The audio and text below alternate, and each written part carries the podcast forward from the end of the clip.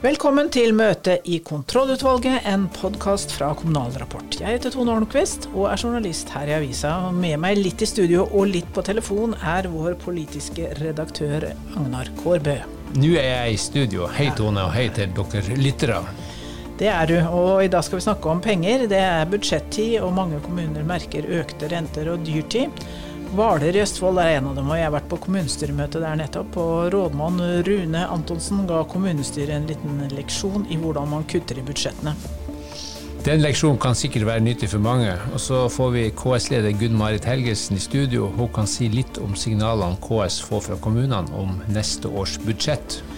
Bør fylkene drive utenrikspolitikk? Det er blitt en diskusjon i Vestland etter at fylkeskommunen skal arrangere seminar om papirløse immigranters eh, migranters rettigheter. Og til eventuelt så skal vi snakke litt om etterlønn. Er det dagsorden godkjent? Den er godkjent, og vi drar i gang. Hvaler kommune i Østfold sliter med økonomien. De styrer mot eh, nok et underskudd og negativt driftsresultat, og må ta opp et likviditetslån for å betale lønninger ut januar 2024. Budsjettet for 2024 ble blir vanskelig å få gå i hop uten økte gebyrer og eiendomsskatt. Eh, rådmann Rune Antonsen ga kommunestyret en liten leksjon i hvordan man kutter ved sist kommunestyremøte. Han anbefaler ikke ostehøvelkutt. Hør på dette. Jeg tenker at uh, dette ostehøvelprinsippet, som jo uh, mange kommuner og fylkeskommuner, også staten for så vidt, uh, bruker, det betyr at man dytter på en måte ansvaret for å finne løsningene ned til laveste nivå, og at man fratar de folkevalgte et ansvaret for å beslutte prioriteringen her, da. Og du sa dette med stillingsstopp og Innkjøpsstopp det er heller ikke noe god løsning? Nei, Min erfaring er at det virker veldig dårlig. Eh, fordi eh, innkjøpsstopp det betyr egentlig at eh, man skyver nødvendige innkjøpsbehov frem i tid. Akkumulerer det frem i tid, og så må man foreta da anskaffene på et seinere tidspunkt. Og Da betyr jo at de samla utgiftene egentlig blir akkurat det samme. Når det gjelder ansettelsesstopp, så har jeg også dårlige erfaringer med det. Fordi de fleste av de stillingene vi har, de eh, må lyses ut. Eh, virksomheten vår er styrt av eh, lover og forskrifter, holdt jeg på å si. Og så min, min, min, erfaring er at det eneste som virker, det er å egentlig se på kvalitet og omfang på tjenestene, og hvordan vi produserer og leverer og organiserer tjenestene. Og det er prosesser som tar litt eh, tid. Hva skal dere gjøre på Hvaler neste år da, for å få budsjettet i balanse og regnskapet? Vi skal eh, dra ned på ulike typer eh, tiltak. Dreie ressursbruken. Det er jo ofte det det, det det, dreier seg om, å dreie ressursbruken. Eh, så eh, har vi jo fremma forslag om å øke eiendomsskatten, eh, som jo egentlig er den eneste store inntektsposten som kommunene har og selv kan, kan råde over. Skatt og rammetilskudd, som utgjør omtrent 70% av kommunenes inntekter, er jo fastsatt av staten. Så, men eiendomsskatten skal ikke røres, har Arbeiderpartiet som har vunnet valget her ute lovt. Hvordan skal de få til det, tror du? Du, det må de svare på selv. Da har vi KS-leder Gunn Marit Helgesen i studio, og vi skal snakke om eh, budsjetter for neste år. Kommunene snekrer nå budsjetter og skal vedta dem. og hva får dere signaler om, eh, Helgesen? Hvordan er økonomisk situasjon for kommunesektoren for 2024? Jeg tror aldri jeg har fått så mange meldinger om veldig stram kommuneøkonomi som eh, nå.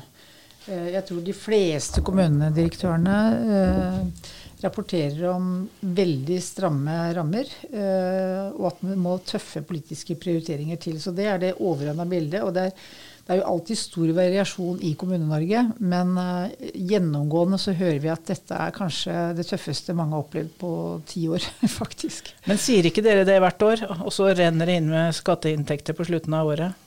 Vi har nok påpekt at kostnadene øker mer enn eh, en inntektene, og at gapet mellom behov og det som eh, finansieres via statsbudsjettet, er for stort. Eh, men så er jo kommunene veldig flinke til å tenke omstillinger og, og husholdere med budsjettene, slik at de stort sett klarer å gå i hop. Men det er klart det merkes etter en pandemi med et enormt stor tilstrømming av flyktninger, med enorme rentekostnader som følge av økt rente på, veldig kort tid. Økte energikostnader, dyrtid. Så det merkes virkelig at eh, økonomien er stram. Så det er det som er nytt i år, alle disse mm. parameterne som øker. Ja, Bare rentekostnadene øker med bortimot 12 milliarder eh, per år fra 21 til 24. Eh, og det er klart det merkes. Har du noe råd til politikerne der ute? Hvor hardt skal de gå til verks? Nei, som jeg sier, at eh, det vi har sagt til uh, de lokale folkevalgte, at dere, dette blir tøffe politiske prioriteringer som må til. Det er lett å tenke småkutt. Uh, og kanskje, som denne rådmannen sier, da, ostehøvel, stillingsstopp, innkjøpsstopp. Men man, man, må nok ha ganske Kall det store omstillinger til for å, for å klare å levere tjenester i tråd med det man ønsker. Opplever du at nasjonale politikere og Stortinget, statsråden, forstår eh, situasjonen? Jeg tror vel at de forstår situasjonen. De har jo kommunisert at vi må eh, husholdere på en annen måte eller eh, redusere, eh, redusere både kjøpekraft og sånn. Men det som de ikke kommuniserer, er kanskje at handlingsrommet er større enn det er, og at uh, man fortsetter å skape forventninger om hva kommunene kan levere. Og det, det blir ikke bra politikk av, fordi det er innbyggerne som kjenner på uh, at det ikke kan skje. Er vi ikke i stand til å realitetsorientere innbyggerne, eller er kommunesektoren i stand til å fortelle dem at her må det tas noen valg? Jo, det er jo det vi prøver på. Jeg har jo også tatt opp med regjeringen. Vi driver nå med disse bilaterale samtalene med alle departementene. Og vi tar jo opp at handlingsrommet er eh, meget begrensa i forhold til både behov og forventninger. Og jeg tror nå må vi faktisk begynne i fellesskap og ha en forventningsavklaring. Hva kan vi klare med de midlene som stilles til disposisjon for sektoren? Vi har jo sagt at det er klart at hvis AS Norge går dårligere, så vil også kommunesektoren rammes av det. Men da nytter det ikke å gå i valgkamp for å si at vi skal satse på eldreomsorg og flere ansatte, høyere lønn, når vi vet at ikke det er mulig. Fordi det er altså ikke nok folk i dette landet til å fortsette akkurat som nå. Og da må vi rett og slett begynne å eh, diskutere hvordan vi kan levere gode tjenester fortsatt. Eh, og fortsatt opprettholde gode velferdstjenester, men på en annen måte enn før. Eh, og det er den jobben kommunesektoren nå eh, går inn i. Rådmann eh, Rune Antonsen på Hvaler sier ikke ostehøvelkutt, ikke ansettelsesstopp, ikke innkjøpsstopp, men en gjennomgang av tjenestene for å, se, for å produsere, organisere og levere dem bedre. Er det et godt råd? Det er nok det, det, disse rådmennene har skoa på. De vet akkurat hva som skal til. Og det er klart at eh, ostehøvelkutt virker jo ikke, for det blir jo sikkert ganske marginalt. Eh, men man må nok ta en skikkelig runde på også nivået på tjenestene. fordi vi, vi, vi, vil jo alle innbyggerne våre vel, og tenker jo hele tiden at vi skal øke, øke kvaliteten. Eh, men vi kanskje må diskutere hva er godt nok, eh, og hva er tilfredsstillende standard for de tjenestene vi skal gi. Så det blir nok eh, Vi har sagt det lenge at det blir tøffe politiske prioriteringer, og det gjentar jeg. Du har vært rådmann i Våler i Innlandet og i Nord- og Uvdal, økonomisjef i både Sarpsborg og Askim. Hva er det viktigste du har lært med å jobbe med kommuneøkonomi i 30 år? Det var ikke lett å svare på. Men det er kanskje de tingene som jeg nettopp har vært eh, innom. Altså hva er det som, eh, er det som virker, og hva er det som ikke virker. Og jeg sa vel litt i kommunestyret i dag også om at alle kommuner er jo store organisasjoner, og jeg pleier å bruke tankskipet som en metafor. Altså Kommunen er som et tankskip, og et tankskip tar det tid å dreie. Og det tar tid også å dreie en kommune. Og så gjelder det å dreie i tide. så Det gjelder å snu skuta på si, eller dreie skuta når du ser at fyrlykta kommer opp og blinker rødt i det fjerne. Når fyrlykta står rett foran deg på skjæret, da må det ofte stå hardt babord eller hardt styrbord, og det betyr som regel ganske store rystelser i eh, organisasjonen. Og det er veldig lite heldig for en kommune som har et, eh, si, en konstant eh, etterspørsel, og gjerne stigende etterspørsel. Så behovet det er rimelig forutsigbart. Og det er også inntektene. Så Det er ikke som en eh, privat bedrift som jeg sa i kommunestyret i dag, som kan plutselig ha svikt i etterspørselen. Og da er det selvfølgelig mye lettere å tilpasse eh, tilbudet. Mens eh, kommunens etterspørsel den er relativt konstant. og, og vi er avhengig av å kunne levere forutsigbare og stabile tjenester. Og det er også egentlig det som lovverket pålegger oss. Det er mange som uh, trekker paralleller til private bedrifter, som kanskje har erfaring med å drive egen bedrift, og særlig blant politikerne, men du syns ikke det er noen god sammenligning? Nei, jeg syns at det er en dårlig sammenligning, og det er ofte en uh, misforståelse. Det ser jeg en del ganger når det kommer nye representanter inn i kommunestyret som har erfaring fra næringslivet. Nå er det ikke sånn at vi ikke kan lære noe av næringslivet.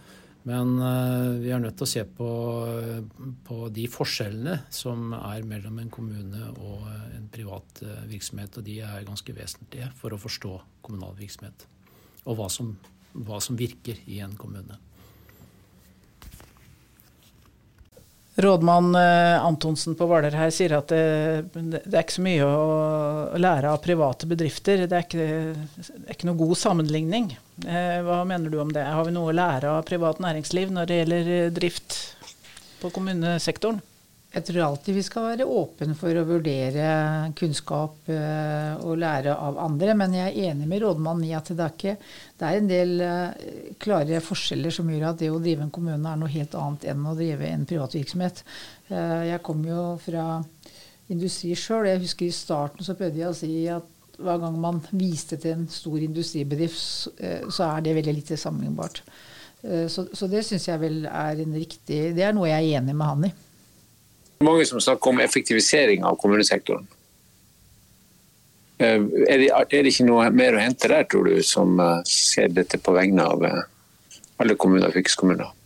Jo, det tror jeg helt sikkert. Men det som, det som, jeg tror er viktig, er at vi trenger et større handlingsrom. Og det betyr at uh, stat og, og, storting, eller regjering og storting må slutte å detaljstyre. fordi jeg tror Hvis man hadde hatt et større fleksibilitet, større eh, lokalt handlingsrom, så ser man jo tjenester på tvers og kan ta ut en del fordeler som man ikke kan når alt blir detaljstyrt fra statens side med bemanningsnormer, med regler, med forskrifter, med retningslinjer eh, for hver eneste sektor. Kommunesektoren eh, klarer i større grad å jobbe på, på tvers av sektorer og eh, nivåer. og da må man da, må, da, får man også større, eh, større, handlingsrom til å skreddersy de tjenestene som kommunene driver med.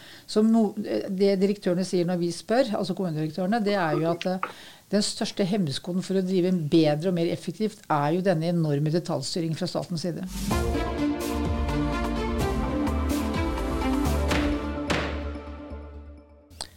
Skal eh, fylkene drive med utenrikspolitikk? Spørsmålet ble aktualisert i Vestland fylkeskommune denne uka, da det ble kjent at de skal arrangere en konferanse med tema 'rettigheter for papirløse migranter'. Fylkespolitiker eh, Eirik Eide fra Høyre sier til eh, NRK at han mener det er feil bruk av tid og penger, og også Frp på Stortinget har jo tatt til orde for at slike seminarer og fylkenes egne kontor i Brussel er noe dere, de ikke skal drive med. Nasjonens utenrikspolitikk skal drives med én stemme. Eh, fylkesordfører i Vestland, Jon Askeland fra Senterpartiet, kunne ikke være med oss her i dag, men han eh, sier til NRK at han er helt uenig i dette. Han mener at eh, seminaret om migranter er helt innafor den rollen som fylkeskommunen har som samfunnsutvikler og viser til at fylkeskommunene har hatt en arbeidsgruppe som har jobba med nettopp papirløses rettigheter. Hva mener du, KS-leder Gunn Marit Helgesen, om det her? Rent generelt så mener jeg en del av samfunnsutviklerrollen handler også om eh, å ha godt samarbeid med europeiske kollegaer, drive internasjonal politikk, tenke næringsutvikling, eh, nyttiggjøre seg instrumentene som Norge kjøper seg inn i EU-programmer og i Europa, eh, rent generelt. Eh, og det handler om å, å, bidra til at næringslivet eh, kan bli innovative, lære av andre, få impulser. Det handler om at vi som samfunn kan bli bedre ved å lære andre, eh, også i forhold til demokratiutvikling i Europa, som jeg rett og slett er ganske bekymra for. For vi ser jo at demokratiet taper terreng i veldig mange land, også i Europa. Og Der mener jeg Norge har noe å bidra med. Jeg mener fylkene har noe å bidra med, og det jobber vi veldig mye med. Akkurat når det gjelder dette med rettigheter for papirløse emigranter eller flyktninger, er jo litt spesifikt og litt på siden. Men hvis det handler om å tilegne seg kunnskap hvordan, eh, jeg, hvilke behov i forhold til tannhelse som fylkeskommunen har et ansvar for, så kan det jo tenkes at de klarer å, å finne en grunn til at de skal gjøre det. Jeg har ikke tenkt å vurdere hvorvidt dette er riktig eller ikke riktig. Det må jo politikerne i Vestland avgjøre selv. Men i utgangspunktet så er jeg veldig eh, opptatt av internasjonalt samarbeid, og at fylkeskommunen har en rolle som flere ganger staten ikke har eh, plass ved f.eks. EU sitt bord, som det vi faktisk har. Men, men eh, som sagt, uh, rettigheter til papirløse flyktninger Eh, er veldig spesiell tematikk. Eh, så jeg tenker de må jo ramme det inn slik at det er relevant for det fylkeskommunale ansvaret, tenker jeg. Nettopp. Alle fylkene har f.eks. et kontor i Brussel. Er det å drive utenrikspolitikk? Ja, Det er å drive samfunnsutvikler og eh, si, skaffe seg relasjoner, skape tillit og kanskje prosjekter som man kan få finansiert gjennom EU-program.